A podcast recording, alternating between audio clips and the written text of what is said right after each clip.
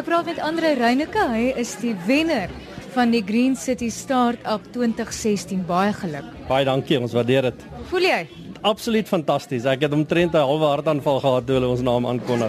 Vertel my van julle idee en julle konsep wat julle mee vorendag gekom het. Ons idee is Miser, hidroliese hibriede transmissiestelsel. Basies wat die stelsel doen is dit um, optimaliseer die engine, so jy kan letterlik 'n kleiner engine gebruik om dieselfde werk van 'n groter engine te, te doen.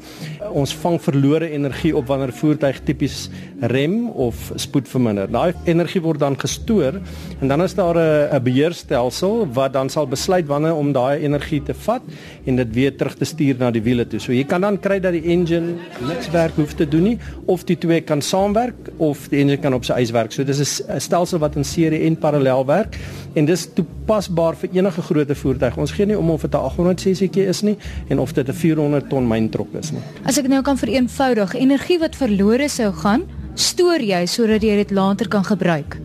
Dis 100%, maar nou net om dit in perspektief te stel, hier is nie goed wat in minute gebeur nie. Dis goed wat in sekondes gebeur.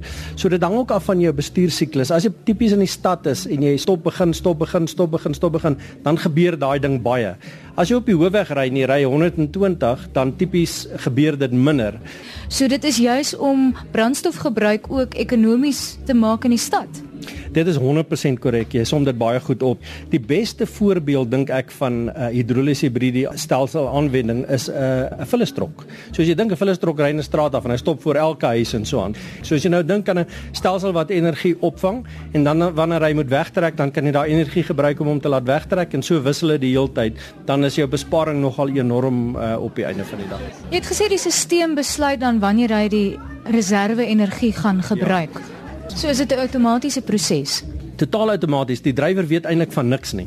Die bestuurder sit daarso, hy trap want hy wil nou 80 of 100 km/h ry en die stelsel neem al die besluite self afhangende van wat die parameters is in terme van hoeveel energie is daar gestoor en gaan ons opdraande afdraande ry ons in triraad en al daai tipe goed en so aan en besluit dan okay ons gaan nou stoor, ons gaan nou gebruik wat gestoor is, ons gaan nou niks doen nie en so voort.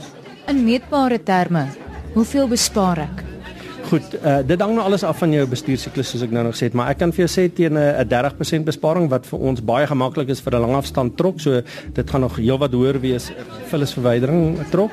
Kyk jy na maklike 30% besparing op brandstof en omtrent 'n 50% besparing op CO2 emissies. So dit is natuurlik baie belangrik. As as ons ons na ons besigheidsmodel kyk en ons kyk wat ons verwag teen die einde van 2020 dan behoort ons teen die einde van 2020 469 miljoen liter diesel per jaar te spaar en ons behoort 2.25 ton CO2 emissies te verminder per jaar. So, dis 'n groener omgewing en jou beursie bult so bietjie meer. Jou beursie het baie meer geld en vir 'n ou wat in Suid-Afrika gemiddeld 150 000 km per jaar ry met 'n langafstand trok, kan jy maar net dink hoeveel honderde duisende rande is dit wat elke jaar vir een trok in swart terugkom op sy staat en jy dra by tot 'n uh, beter kwaliteit lug, so almal se lewe teoreties verbeter op aarde. Het julle die algemene verbruiker ook in gedagte, die gewone motoris? Ons het inderdaad die lekker ding van 'n hidroliese stelsel in vergelyking met byvoorbeeld elektriese stelsels. Ons kan skaal van klein tot groot. Ons gee nie om nie.